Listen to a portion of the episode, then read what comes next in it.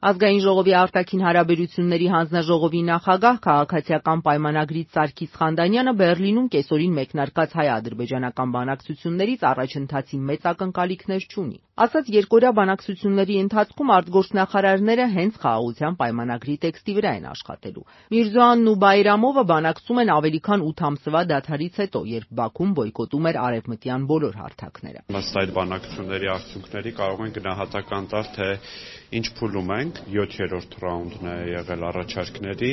Այսօր եւ վաղը ըստ երևույթին տեքստի վրա արտգործնախարարները կաշխատեն եւ դրանից հետո կհասկանանք արդյոք առաջընթաց գրանցում են այս բանակցությունները, թե ելի լրացուցիչ բանակցությունների կարիք։ Ադրբեջանը Խանդանյանի կարծիքով հուսալի գործընկեր չէ, ասում էր բանակցություններում համաձայնեցված մի շարք դետալներ խաղաղության պայմանագրի նախագծում արձանագրում չեն գտնում։ Երբ հայ-ադրբեջանական հրապարակային բանակցություններ չկային, Ադրբեջանը բազմաթիվ նոր պահանջներ առաջ քաշեց։ Անխոչնդոտ անցում Սյունիքով դեպի Նախիջևան, ադրբեջանցի փախստականների եւ ութ գյուղերի վերադարձ, Հայաստանի Սահմանադրության օրենքների փոփոխություն, միջազգային ատյաններում Բաքվի դեմ հայցերից հրաժարում։ Դրանք փոխանակվող տարբերակներում տեղ գտնում են։ Խանդանյանը փակագծեր չբացեց, բայց ասաց Ադրբեջանը հետքայլ է անում Պրահայում, ապա Բրյուսելում համաձայնեցված սկզբունքներից։ Իհարկե Ադրբեջանը փորձում է հետքայլ անել այդ սկզբունքներից եւ որոշակի դետալներ փոխելով խախտել այդ սկզբունքների տրամաբանությունը, բայց մեր պնդումն այն է, որ այդ երեք սկզբունքների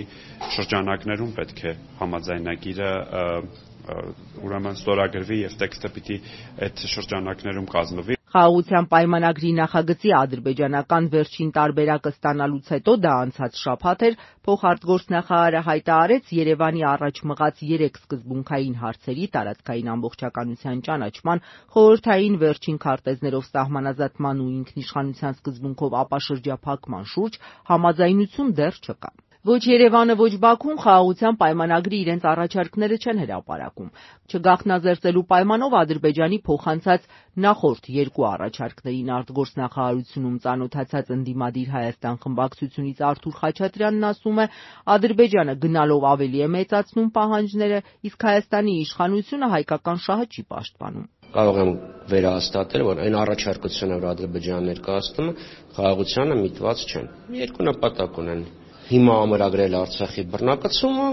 հետագայի համար հա, իրավականորեն Հայաստանից նոր զիջումներ կորզել։ Բանակցությունների վերսկսումը երաշխիք է, որ էսկալացիայի վտանգը կչեզոքանա։ Այդ ռիսկից հենց Հայաստանի իշխանությունն էր խոսում ներքին հանդի արյունալի դեպքերից հետո։ Իշխանական падգամավորը կարծում է նաև չհարցակվելու պայմանագիր կնքելու Հայաստանի առաջարկին Ադրբեջանի արձագանքը ցույց կտա, որոնք են Բաքվի իրական մտադրությունները։ Բաքուն ի դեպ արդեն մերժել է այդ առաջարկը։ Տրամաբանությունն այդպիսին է, որ եթե կան բանակցություններ, ապա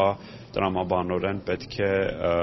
լարվածությունը նվազի եւ որոշակի կայունություն ձևավորվի։ Ընդդիմադիր Արթուր Խաչատրյանը կարծում է, էսկալացիայի վտանգը չեզոքացած չէ։ Ես չեմ էլ բացառում, որ այդ էսկալացիան հենց այս բանակցությունների նախերգանքն էր, որովհետև Ադրբեջանի քաղաքականությունը դա է ամեն բանակցությունից առաջ իրավիճակը սրել հավելյալ զիջում կորզելու համար։ Փաշինյանն էլ որպեսզի իր զիջումը արդարացնի, պետք է էլի ժողովրդին վախեցնի նոր պատերազմ։ Այսինքն անընդհատ վախեցնելով պատերազմ, պատերազմ, պատերազմ, մենք զիջում ենք ամեն ինչ։ Հիմա եթե դու 4 հոգու համար հակակայելի չես դիմում,